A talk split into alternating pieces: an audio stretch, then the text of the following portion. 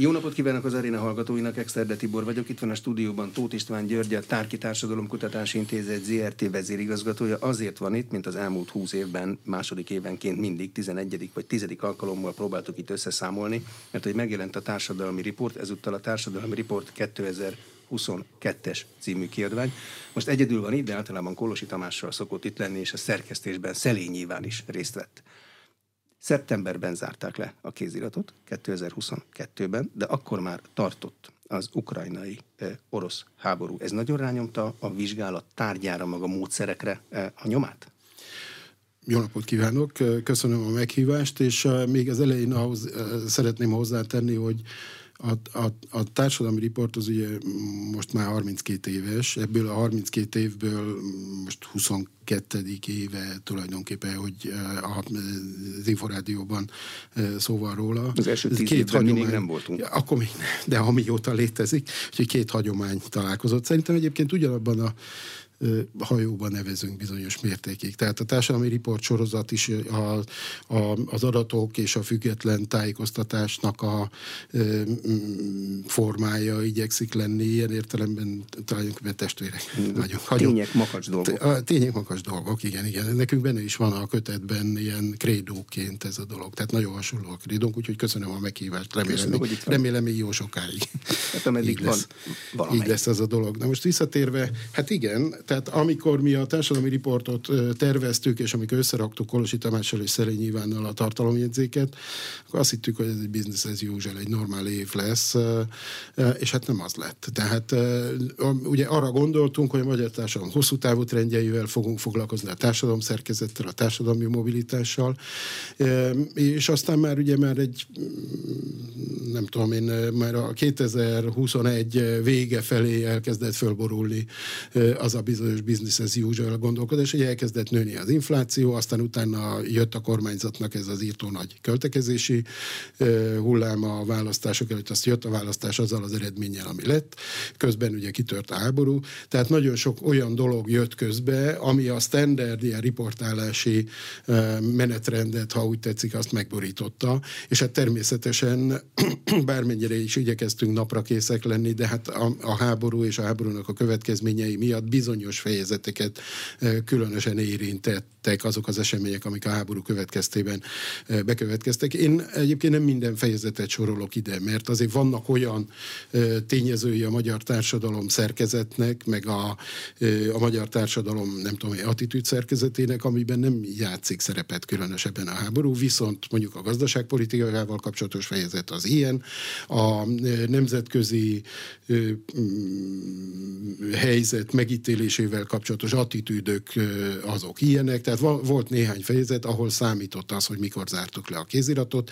Szerintem ez a kettő leginkább, amelyik amelyik, amelyik számít, hiszen a, a makrogazdaságban ugye naponta derültek ki újabb és újabb dolgok, naponta változtak a, a makromutatók, elsősorban a fiskális egyensúlyjal kapcsolatos mutatók, amik szükségesítették volna, hogy írjuk újra.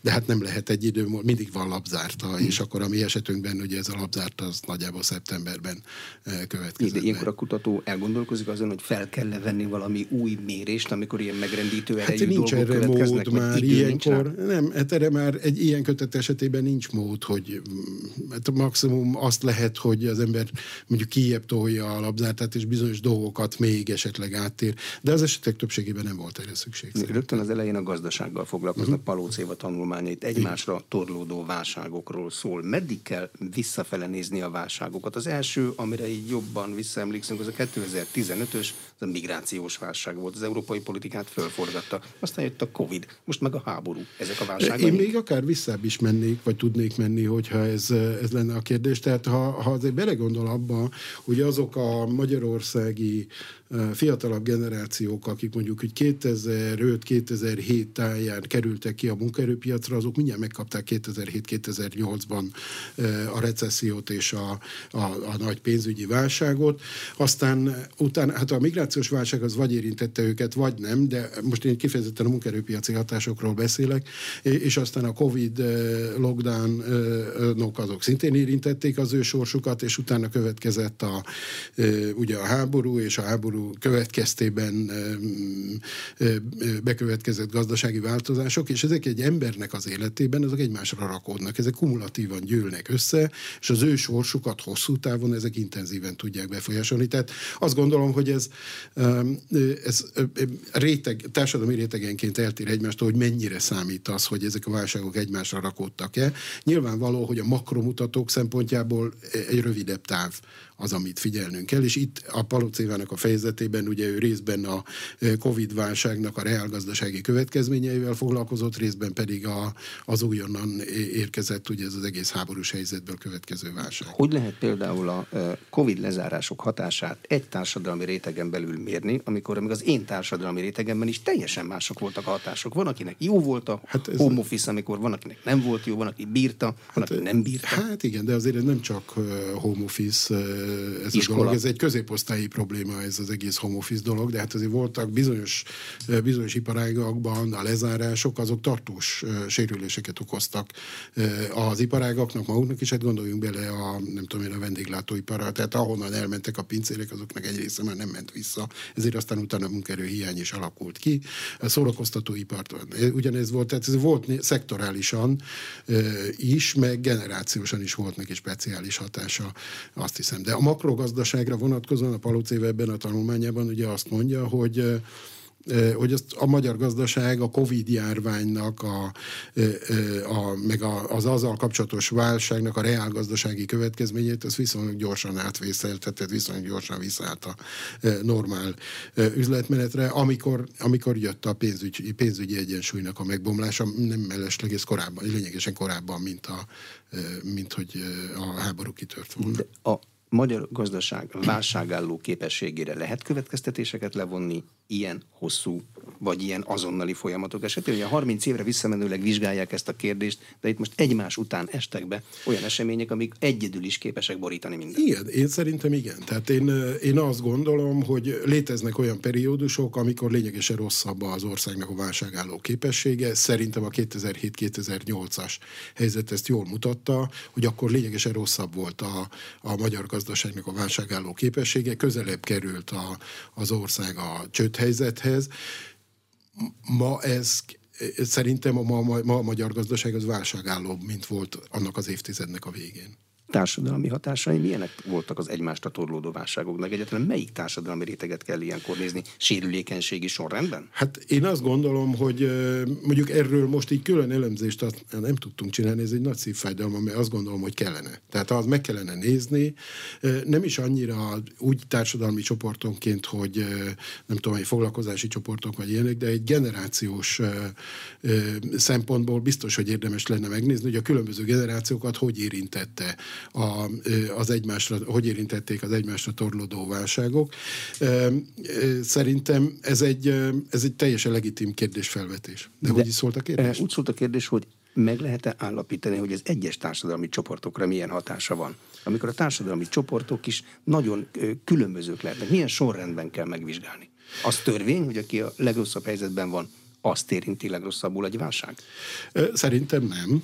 Én azt gondolom, hogy ez nem. Hát megint visszautalnék, most ez nem ennek a könyvnek a témája, de megint visszautalnék a 2007-2008-as pénzügyi válságra. Az először a nyugdíjalapokat rendítette meg, meg egyáltalán a pénzügyi szektor, tehát azt érintette, akinek volt megtakarítása. Ennél fogva az első fázis az azokat érintette, akiknek azoknak a vagyona veszett el, vagy legalábbis csökkent le, akinek viszonylag sok megtakarítása volt. Azt utána következett egy olyan fázis, amikor a, a munkanélküliség miatt ez lecsorgott, és a, a munkavállalók egy részét érintette, megnőtt a munkanélküliség, e, és e, akkor volt egy reálgazdasági következménye a válságnak, és a következő fázisban következett be az, amikor ugye meg kellett e, szorítani a nadrágszíjat, és az állami költségvetéseket kellett egyensúlyba hozni, és az viszont azokat érintette, akik jóléti támogatásokból, szociális segélyekből érint, éltek, és az ő számukra jelentett visszafogást. Én szerintem nem triviális, hogy egy válság az mindig a legrosszabb helyzetűeket érinti. Hosszú távon persze valószínűleg igen, meg hosszú távon ugye az, az se, abból a szempontból sem, az sem mindegy, hogy milyen életszakaszban éri el a, az embereket. Ugye erre vannak egy nagyon érdekes, vannak, hát nem, nem csak az, hanem az életpályának ugye van egy, van egy ritmusa az embernek, az, a, a bekerül a munkaerőpiacra, akkor egy darabig nőnek a jövedelmei, meg gyarapszik a jövedelemszerzési lehetősége, a csúcsot eléri 40 és 50 év között valamikor, és aztán utána elkezd csökkenni, és hogy ez, ha, ezt, ha ez a dózis, ez a válságdózis, ez az elején éri el a, a munkaerőpiacra bekerülő fiatalokat, akkor az az egész pályának a meredekségét meg tudja változtatni, és erre léteznek is nemzetközi összehasonlító vizsgálatok. A demográfiai kérdésekkel hagyományosan foglalkozik a társadalmi riport most is. Uh-huh. És Péter Zsolt és Monico Lívia azt elemzi, hogy hosszú idő óta, 80-as évektől kezdve az masszív családpolitikai intézkedések közelebb visznek-e bennünket ahhoz, hogy nőjön a magyar? Közelebb vittek? Hát ugye az, ők több dolgot is vizsgálnak. Egyfelől azt nézik meg, hogy a, a, a családpolitika az egy nagyon komplex dolog. Tehát abban nagyon sok minden benne van. Ők elsősorban a, a, a pénzbeni támogatásokat vizsgálják, és a, az adókedvezményeket, meg a készpénzes támogatásokat, és ennek különböző ciklusai voltak, hogyha úgy tetszik az elmúlt időszakban. Voltak offenzívabb, expanzívabb, és voltak kevésbé expanzív ciklusai. A magyar családpolitika nemzetközi összehasonlításban az általában a nagyvonalúbbak közé tartozik. Igazából korábban is a nagyvonalúbbak közé tartozott, most meg aztán az utóbbi évtizedben pláne. Most ők a 80-as évek től a 2010-es évek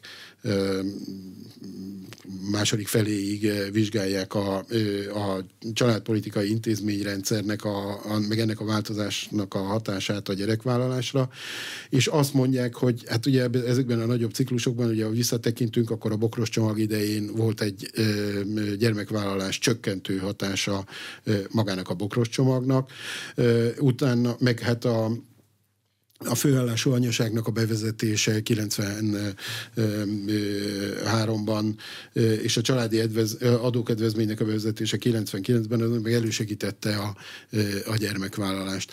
De az igazi kérdés az az, hogy melyik gyereknek a vállalását segíti elő. És azt mondják, hogy elsősorban ez a harmadik gyereknek a vállalására gyakorol hatást, az első gyereknek a vállalására más tényezők, a társadalom normarendszere, a, a fiatalok elköteleződése, a család alapítás, egy csomó más dolog az, amiért befolyásolja. Jó, de harmadik gyerek tipikusan akkor születik, ha már van első, meg második hát gyerek. Nem tud másképpen, nem tud másképpen igen, születni. Igen, de egyébként az is nagyon fontos dolog, mert harmadik, igen, hát hmm. minden harmadik, ahogy a kínai közmondás mondja, hogy a föld körüli út is az első lépéssel kezdődik, a harmadik gyerek is az elsővel. Jó, de a társadalmi normarendszer az változott annyit, hogy az első gyerek megszületésére hatással legyen? Hát szerintem nem. Hát ők pont azt mondják, hogy a, az első gyerek megszületése az a gazdasági helyzet tel kevésbé befolyásolt, mint a, mint a második és a harmadik. Az első gyerek azért születik meg lassabban, mert a nők ö, ö, nem azzal vannak elfoglalva egész nap, hogy gyereket szüljenek, hanem hát, mondjuk ö, akarnak dolgozni? Hát, I- ilyeneket kell elképzelni. Ugye, ebből az, ez érdekes egyébként pont a társadalmi riportnak a szempontjából is, hogy ugye amikor hosszú távú ten, tendenciákat nézünk, akkor az igazi társadalmi mutatószámok azért nem változnak annyira gyorsan.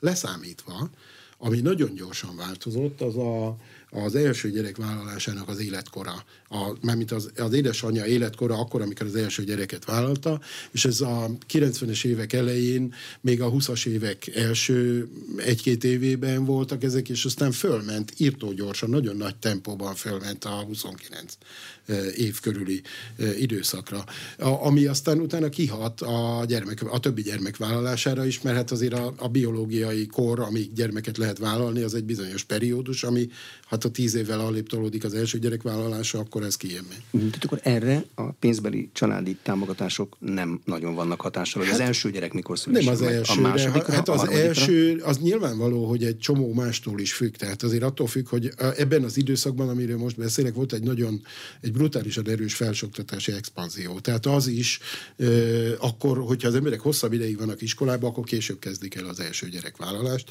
és ezen kívül van egy munkaerőpiaci nem tudom én, helyzet vagy bizonytalanság, és nagyon, ez egy nagyon komplex dolog, hogy ezt mi, mi befolyásolja. A különböző társadalmakban más és más az az időszak, amikor elhagyják a szülői, szülői háztartást. De itt most a Zsolték inkább arra fókuszáltak, hogy magának a családpolitikának milyen hatása van, és ők azt mondták, hogy ez a második, leginkább a harmadik gyerekre. Mm.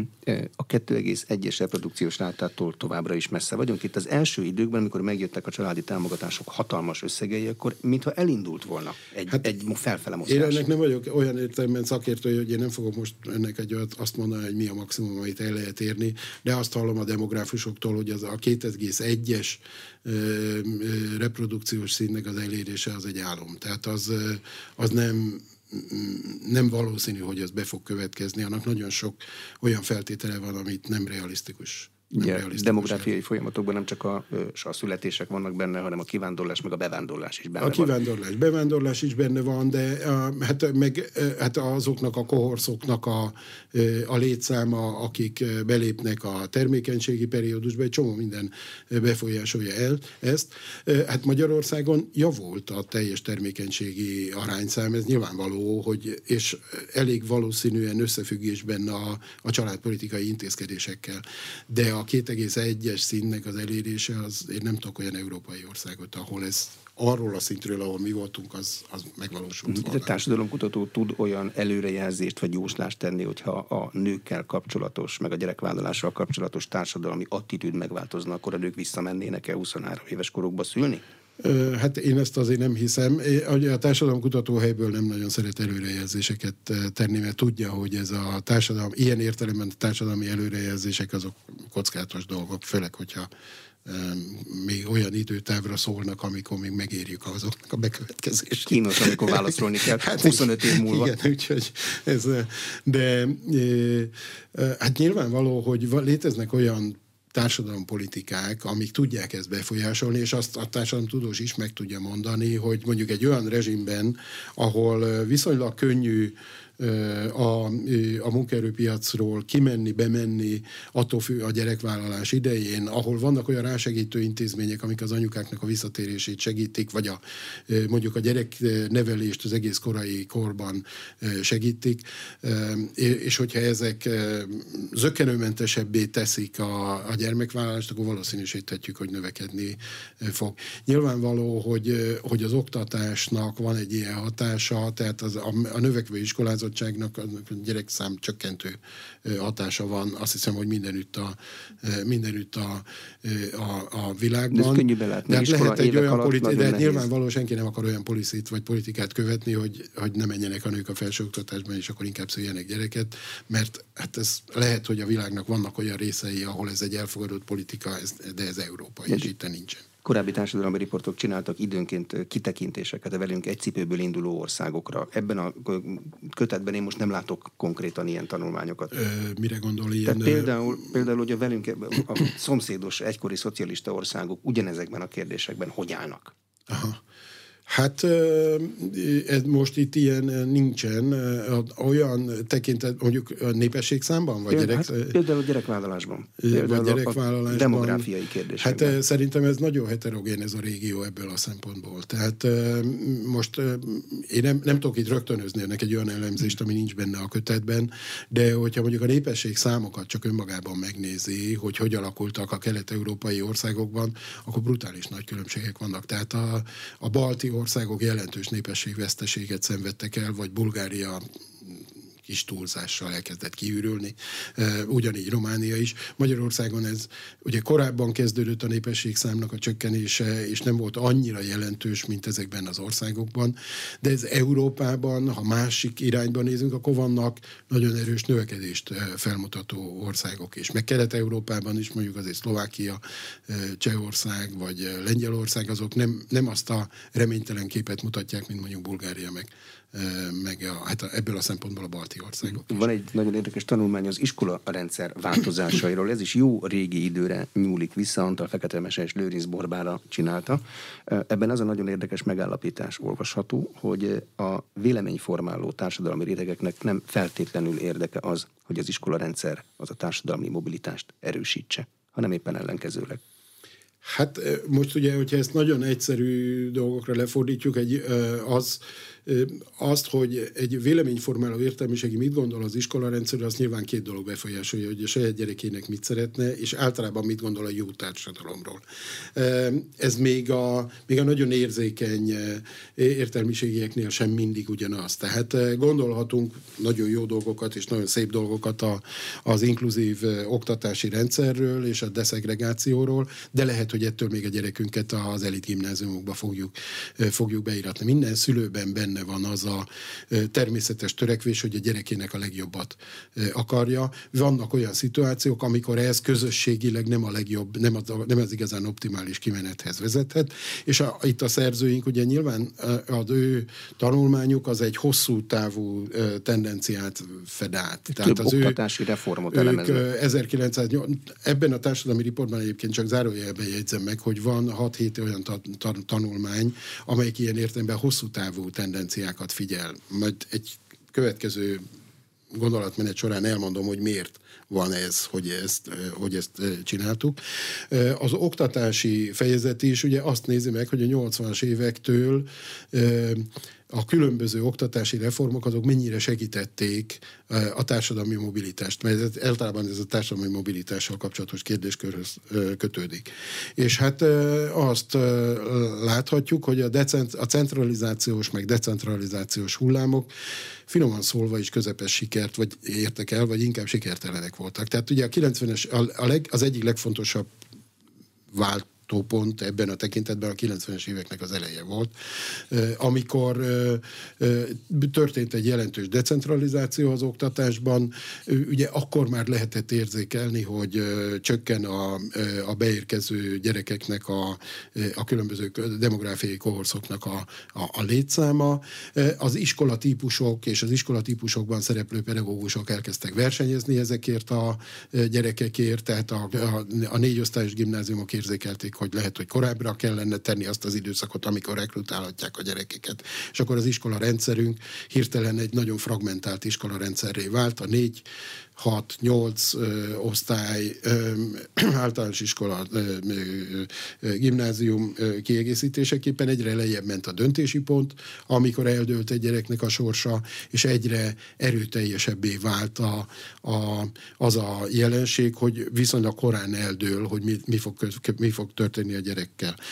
Ez természetes módon erősítette azt a tendenciát, hogy a szülőiskolázottsága, meg a szülőnek a társadalmi beágyazottsága az határ határozza meg azt, hogy mi lesz valójában a gyerekből. És ugye ez a társadalmi mobilitás szempontjából a legfontosabb kérdés.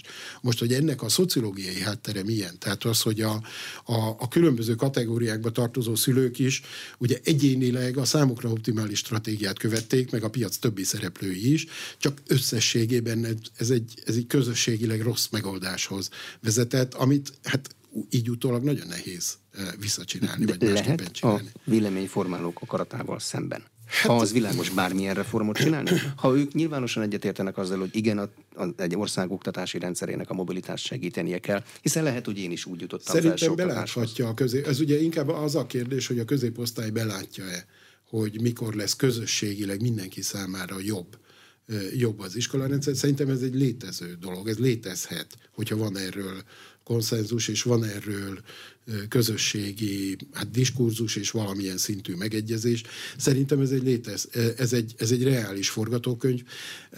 Hogyha ha, ha valódi párbeszéd van erről, most a nemzeti konzultációt azt tegyük félre, tehát nem, nem ilyen típusú párbeszéd, hanem akár helyileg, akár az iskolaszékek szintjén, akár az oktatáspolitika stratégiai irányáról, akár arról, hogy mennyire gondoljuk fontosnak azt, hogy a, a gyerekeink megállják a helyüket a munkaerőpiacon, hogy kommunikálni tudjanak a különböző származású gyerekek egymással, hogy ne menjenek el a legértékesebb elmék külföldre. Ezt azért meg lehet, szerintem szerintem társadalmi szinten meg lehet beszélni. Ha egyébként nem is látja be valaki, társadalmi szinten szerintem, még beláthatja? Szerintem igen. Én azt gondolom, hogy igen. De és én lát, látszik is. Tehát vannak olyan, azért nem, nem mindenki nagyon önző. Tehát léteznek olyan stratégiák, akik szándékosan úgy hát természetesen bizonyos korlátok között, de úgy helyezik el a gyereküket az iskolákban, hogy az a gyerek az lásson más társadalmi helyzetből származó másik gyereket is. Létez, én ezt is látom ilyen értelemben a szülők között, és ez lehet egy pozitív közösségi kimenet. Mm, azt mondtam, a, hogy... Feltéve, hogy ha, ha, ha az oktatáspolitika ezt valahogy facilitálja, vagy segíti, de ha nem, vagy nem ezt facilitálja, vagy nem, nem ezt eh, támogatja így a közösségi diskurzusban, nem ezeket az egyéni stratégiákat, akkor nem fog menni. Azt mondta, hogy több olyan tanulmány is van, ami kifejezetten hosszú távú vizsgálatot Igen. céloz. De hát a társadalmi riportban szoktak általában is hosszú távú vizsgálatok lenni. Hát van egy nagy masszív saját adat. Igen, de nem egyszerűen idősorokat, hanem azt nézzük meg, ugye ez már egy korábbi társadalmi riportnak is volt témája, hogy van egy olyan jelenség Magyarországon, hogy ha megnézzük, most gondoljon bele abba, hogy a legutóbbi Forbes listákon sokkal több cseh, lengyel, nem tudom, egy román ilyen milliárdos talált, mint mondjuk Magyarországon van. A mi milliárdosaink nem is nagyon tehát azoknak a listáknak ugye a közepén, vagy inkább a lejjebb levő részén van. Milyen szegények hozzájuk képest? Igen, de nem, azt akarom mondani, hogy és ha megnézzük a, talán Magyarországon az egyenlőtlenségeket is, akkor az egy számos balti országban vagy mediterrán országokban lényegesen nagyobbak.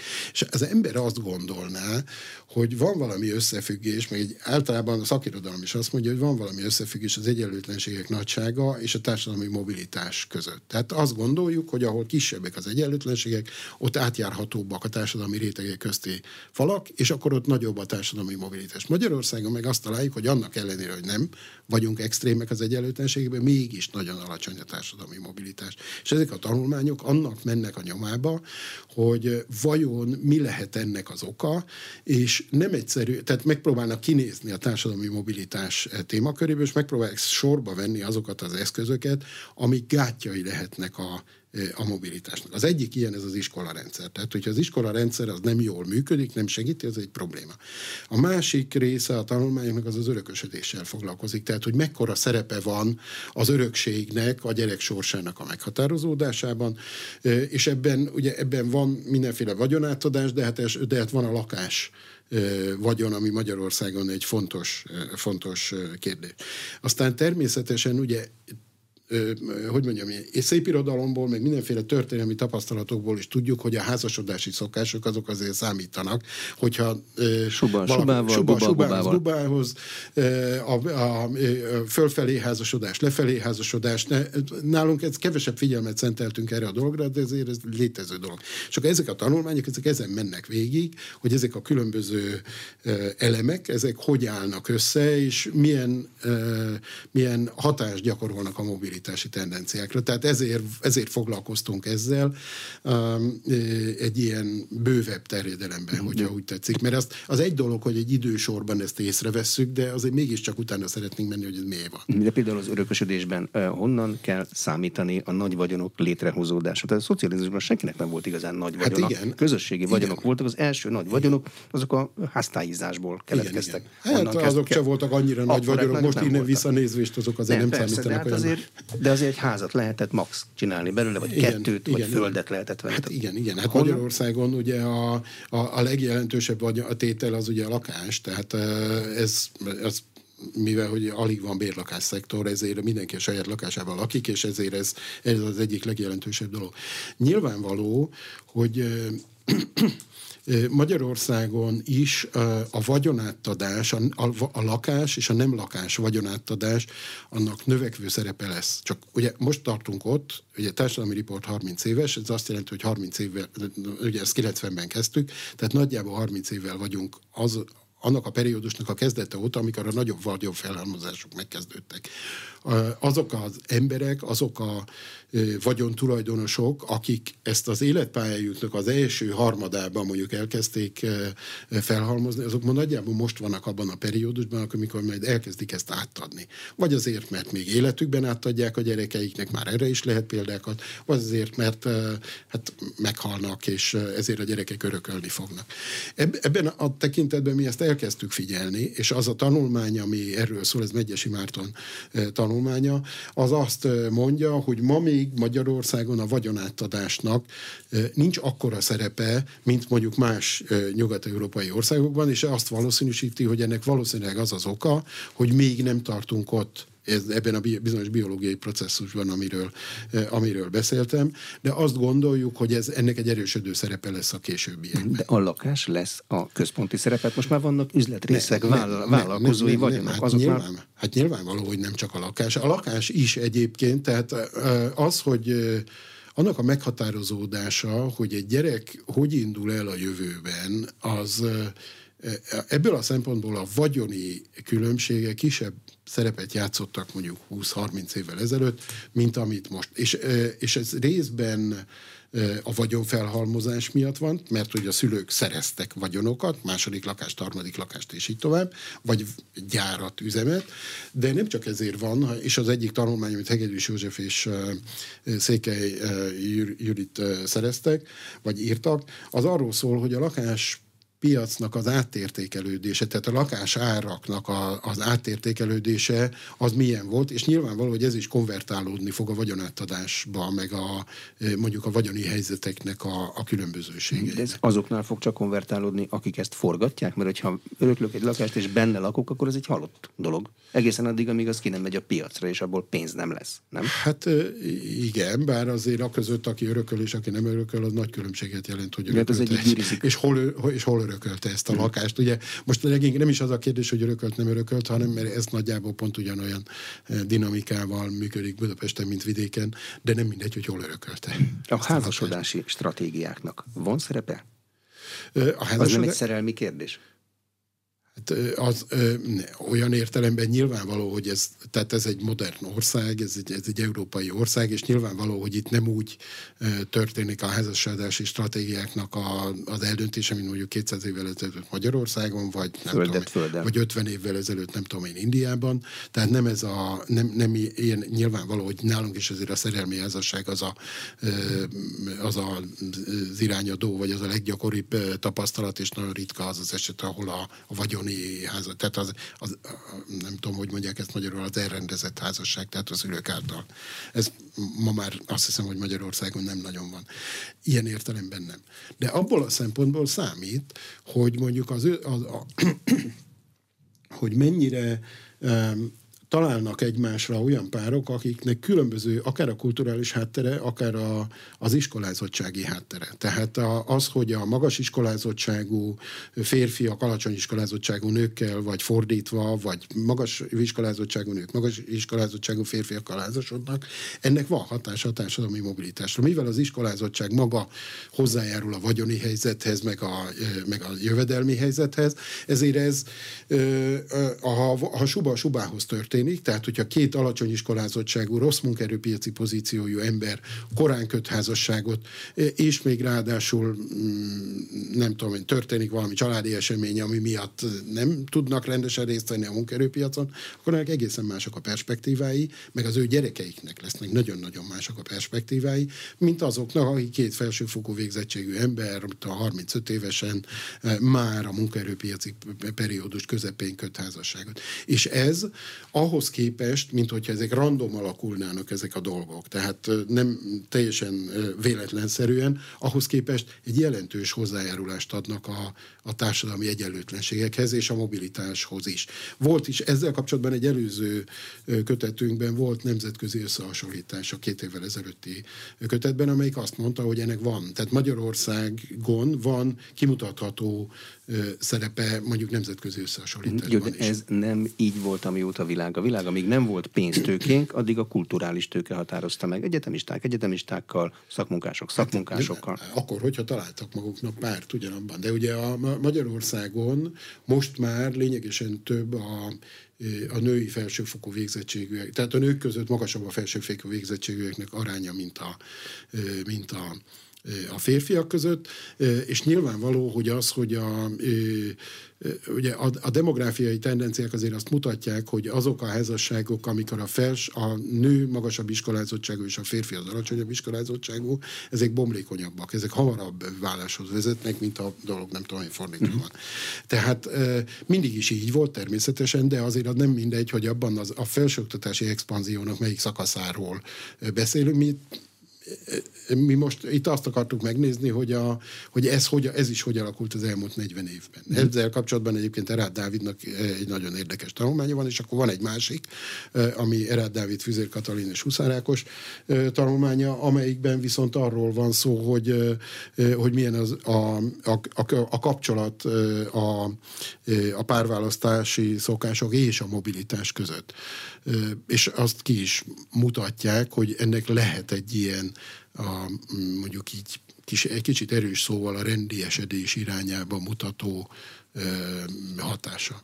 Ezeket a folyamatokat a továbbiakban is fogják vizsgálni? Tehát ezek olyan, amiket hát érdemesnek én tartanak szerint nézni? biztosan, mert én azt gondolom, hogy ez, ez legalább olyan fontos, mint, mint egy csomó más tényező. Hát ugye az, hogy milyenek az egyenlőtlenségek, az egy csomó más dologtól is függ, de ezt nem szabad ignorálni, ezzel, kell foglalkozni. Mi történik, hogyha azt kimutatják valamikor, még a mi életünkben, hogy a magyar társadalom ismét a rendiesedés irányába hat, akkor akik ebbe be tudnak csatlakozni, azok a győztesek, akik meg nem, azok hát, meg a leszakadók, és ott igen, olyanok leszünk. Nem, hát azért ez mindig egy érdekes kérdés marad, tehát a empirikus tudósnak lenni az mindig egy érdekes kérdés fog maradni, mert hát azért a magyar társadalom az nem, nem izolált a, az európai társadalmaktól, tehát akkor, hogyha tehát nem, nem, ez nem egy zárt határokkal rendelkező ország, emberek jönnek, mennek, és a globalizációnak a hatásai azok mindenre rányomják a bélyegüket, még a házasodási szokásokra is, meg még a, ugye pláne a migráción keresztül, mert mint a kifelé irányuló migráción keresztül, ugye nem mindegy, hogy kihagyja el az országot, és milyen iskolázottságú emberek, és mindez hogy érinti a házassági piacot.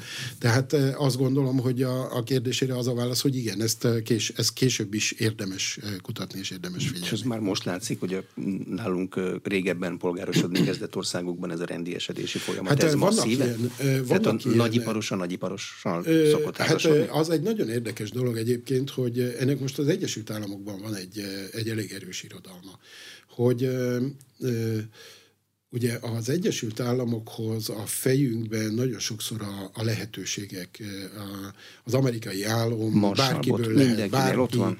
bárkiből lehet bármi, és az utóbbi 10-15 évben egyre több olyan irodalom jelent meg, ami pont egyfajta ilyen rendélyesedési tendenciáról e, számol be. Tehát a, a, a gazdagok ugye beiratják a gyerekeiket az Ivy League, tehát a Borostyán Liga iskoláiba, együtt igyekeznek szalonokba járni, ott dőlnek el dolgok, tehát van egy ilyen, egy ilyen most már az úgy osztják csoportokra a, leg, a felső mondjuk amerikai rétegeket, hogy ugye létezik a, léteznek a plutokraták, akik az, akiknek nagyon sok vagyonuk van.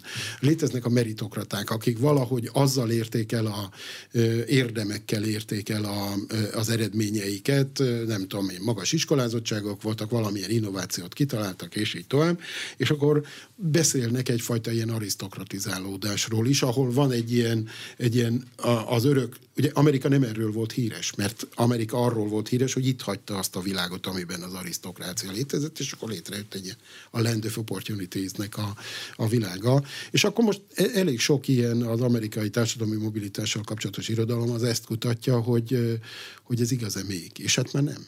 Tehát elég sokan azt mondják, hogy ez már nem. Tehát amikor azt gondolnánk, hogy nem tudom én, ott a legnyitottabb és a legfluidabb a társadalom, és ezt összehasonlítják mondjuk Dánielval vagy Svédországgal, akkor nem ezt találják. Tehát azt találják, hogy ott nagyobb fokú a, a lehetőség, hogyha így tetszik. Ez egy ha érdekes be akarok kerülni a Borostyán Ligába, akkor jó lesz egy állami egyetem, és ha mondjuk baseball sztár is vagyok mellé? Az is akkor jó, esetleg... de az se baj, hogyha jól házasodik az hmm. ember. Van egy érdekes tanulmány a Társadalmi Riport 2022-ben, ami arról szólt, Tóth István György írta, hogy hogyan viszonyulunk a nagy geopolitikai centrumokhoz, Oroszországhoz, Kínához, Egyesült Államokhoz, meg az Európai Unióhoz. Ezt honnan kezdve kell vizsgálni, a mi csatlakozásunktól kezdve, napjainkig? Hát, ugye a dolog, engem az késztetett arra, hogy ezzel elkezdjek foglalkozni, hogy egyszerűen én én nem, vagyok, nem vagyok ebben elfogulatlan. Tehát én őszintén bevallom. Tehát én azt gondolom, én, egy, egy, én, én, én pozitív dolognak tartottam azt, hogy Magyarország csatlakozott az Európai Unióhoz, azt is pozitív dolognak tartottam, hogy a NATO-hoz csatlakoztunk, és azt gondoltam, hogy ennek az országnak, ugye benne is van a, a tanulmány címében ez a kompország hasonlat, ennek nyugaton ki kell kötnie. És akkor egy, egy rémülettel láttam, hogy már 7-8 évvel ezelőtt is, hogy ez ismét felmerült kérdésként, hogy most kelet vagy nyugat. A lakosságban is, meg a politikában is. És akkor ezért kezdett el ez érdekelni, mert az volt az érzésem, hogy a, a magyar társadalom az kevésbé alarmírozott a, én így fogalmazom az orosz veszéllyel szemben, aminek most már látjuk, hogy mi a veszély, de akkor nem volt triviális, hogy ezt veszélynek kell Itt voltak 40 évig ideglenesen állomásoztak. És mégis, és mégis, látja, és mégis. Mi nosztalgiánk van a Kádár rendszer iránt? Hát én ezt nem tudom, ezt nem, tehát a, engem ez, ez motivált, hogy ezt megpróbáljam megkeresni ennek az okait, hogy ez miért van.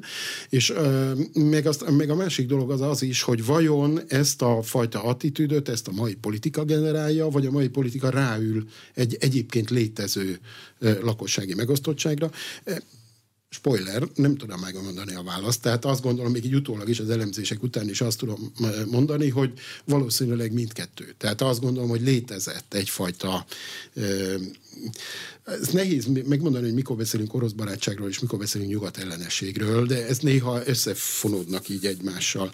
Mindegy, ahhoz, hogy ezt hosszú távú idősorban visszakeressük, hát vissza kéne menni mondjuk legalább 30 évet. De azért nem tudunk visszamenni 30 évet, mert ebből nem, tehát most gondoljon bele, akkor 1993-ban még éppen csak megszáradt a tinta a Maastrichti szerződésen, vagy talán még az se, akkor még nem tudtuk azt, hogy az Európai Unió mint olyan létezni fog. Azt tudtuk, hogy a, a hidegháborúnak vége van, és az Egyesült Államok és a Szovjetunió közötti meccs az tulajdonképpen eldőlt, mert a Szovjetunió összeomlott. Senki nem gondolta a világpolitikai szereplőnek, vagy legalábbis nagyon kevesen voltak, akik világpolitikai szereplőnek gondolták Oroszországot, és hát pláne az, hogy Kína világpolitikai szerepe, hát akkor még azt gondoltuk, hogy az olcsó hát mások rajtuk, cipők... mert csak másolni tudnak. Igen, Most már igen. kiderült, hogy És aztán tudnak. kiderült, hogy most már nem csak másolni tudnak, és létezik egy ilyen felzárkózási stratégia, ami nem csak a másolásból, hanem utána már technológiai innovációkat is csinál. Szóval ez fokozatosan generálódott ez a kérdés, és akkor, amikor mondjuk Magyarország az Európai Unióhoz csatlakozott, akkor már egy relevánsabb kérdés volt, hogy mennyire örülünk annak, hogy nyugathoz tartozunk, és mennyire nem. E, és aztán később kristályosodott ez a dolog ki. Na most a, a mi szempontunkból azért az is érdekes, hogy, hogy, hogy viszony, nem csak az az érdekes, hogy hogy viszonyulunk Oroszországhoz, hanem hogy hogy viszonyulunk az Európai Unióhoz. Ugye az elmúlt Hát most már tíz évben itt egy folyamatos harc van, szabadságharc van, ha úgy tetszik, Brüsszellel és az Európai Unióval, és azért az egy érdekes dolog, hogy ezt a lakosság hogy reagálta le. És summa summarum, én azt, azt gondolom, hogy egyfelől annak a gyökerei, hogy itt kisebb mértékű az alarmírozottság az orosz állam, meg az orosz befolyással szemben, annak is hosszabb távra mennek vissza a gyökerei, tehát ez nem az utóbbi egy-két évnek a fejleménye. Másfelől viszont annak is, hogy hogy viszonyulunk az Európai Unióhoz. Amikor az Európai Unióhoz való viszonyulást nézzük, akkor azt látjuk, hogy szabadságharc ide vagy oda, de egy, az elmúlt évtizedben is még, amikor nagyon erős kormányzati hát hogy is mondjam, ilyen célponttá vált, fogalmazzunk így, Brüsszel és az Európai Unió, abban az időszakban is azért nőtt az Európai Uniónak a támogatottsága. Ez az utóbbi években elkezdett csökkenni, tehát mondjuk 2020-ban volt szerintem a csúcson, és azután elkezdett csökkenni, és furcsa mód akkor is, amikor a, kitört a háború. Tehát a kitört háború az nyilvánvalóan az orosz befolyásnak, meg az orosz, Oroszországnak, a, az Oroszországgal kapcsolatos pozitív érzéseket brutálisan visszavetette, egyszerűen beszakadt az a az, orosz, az oroszok támogatottsága, de valamelyest lecsökkent az Európai Uniónak, meg lecsökkent az Egyesült Államoknak a támogatottsága. És most ez a kérdés, hogy ez vajon miért lehet? Nem lehet egy olyan egyszerű mondattal megválaszolni, hogy egyszerűen tudjuk, hogy hol a helyünk Tudjuk, hogy mekkorák vagyunk egy bármekkora Oroszországhoz képest. Kicsik. Nagyon kicsik. Igen. Akármi van Oroszországgal, mi mindig sokkal kisebbek leszünk, és nagyon közel vannak. És ez Igen. minden velük ö, ö, szemben megfogalmazott véleményünket alapvetően meghatározza. Igen, és akkor ebből az kellene következze, hogy opportunisták vagyunk, és akkor hát, ha ez van, akkor ezt kell szeretni. Hát. Biztos létező attitűd ez. Én szerintem ez is létezik, de léteznek más attitűdök is. Azért a kelet-európai országoktól, hogy megkérdez egy balti országbeli embert, nem így gondolkodik.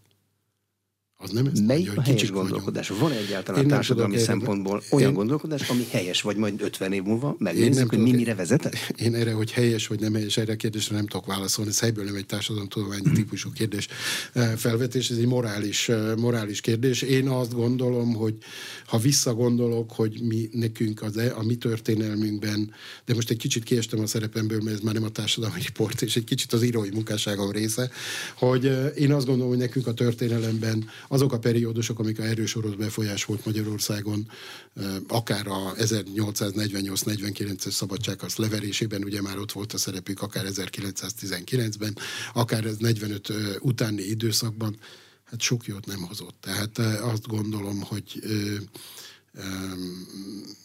én szerintem törekedni kell arra. Én, engem rémülettel tölt el, hogyha ezt, ezt nem tartjuk naponta észben, hogy, hogy azért az igazán pozitív dolgok itt Magyarországon azok mindig nyugatról, mindig nyugatról érkeztek. Na, úgyhogy ezt tudom mondani, de ez nem, ez nem, ez nem, egy, nem egy tudományosan megalap, ez egy vélemény, amit, amit így gondolok. Köszönöm szépen. Az elmúlt egy órában Tóth István György, a Tárki Társadalomkutatási Intézet ZRT vezérigazgatója volt az aréna vendége. Azért volt itt, mint az elmúlt 20 évben mindig, mert hogy megjelent a társadalmi riport ezúttal a 2022-es, és ez nyomtatott formában is megvan, meg az interneten is megvan, sőt, még hangos könyv formájában is ott van. A műsor elkészítésében Módos Márton főszerkesztő vett részt. Köszönöm a figyelmet, Exterde Tibor vagyok.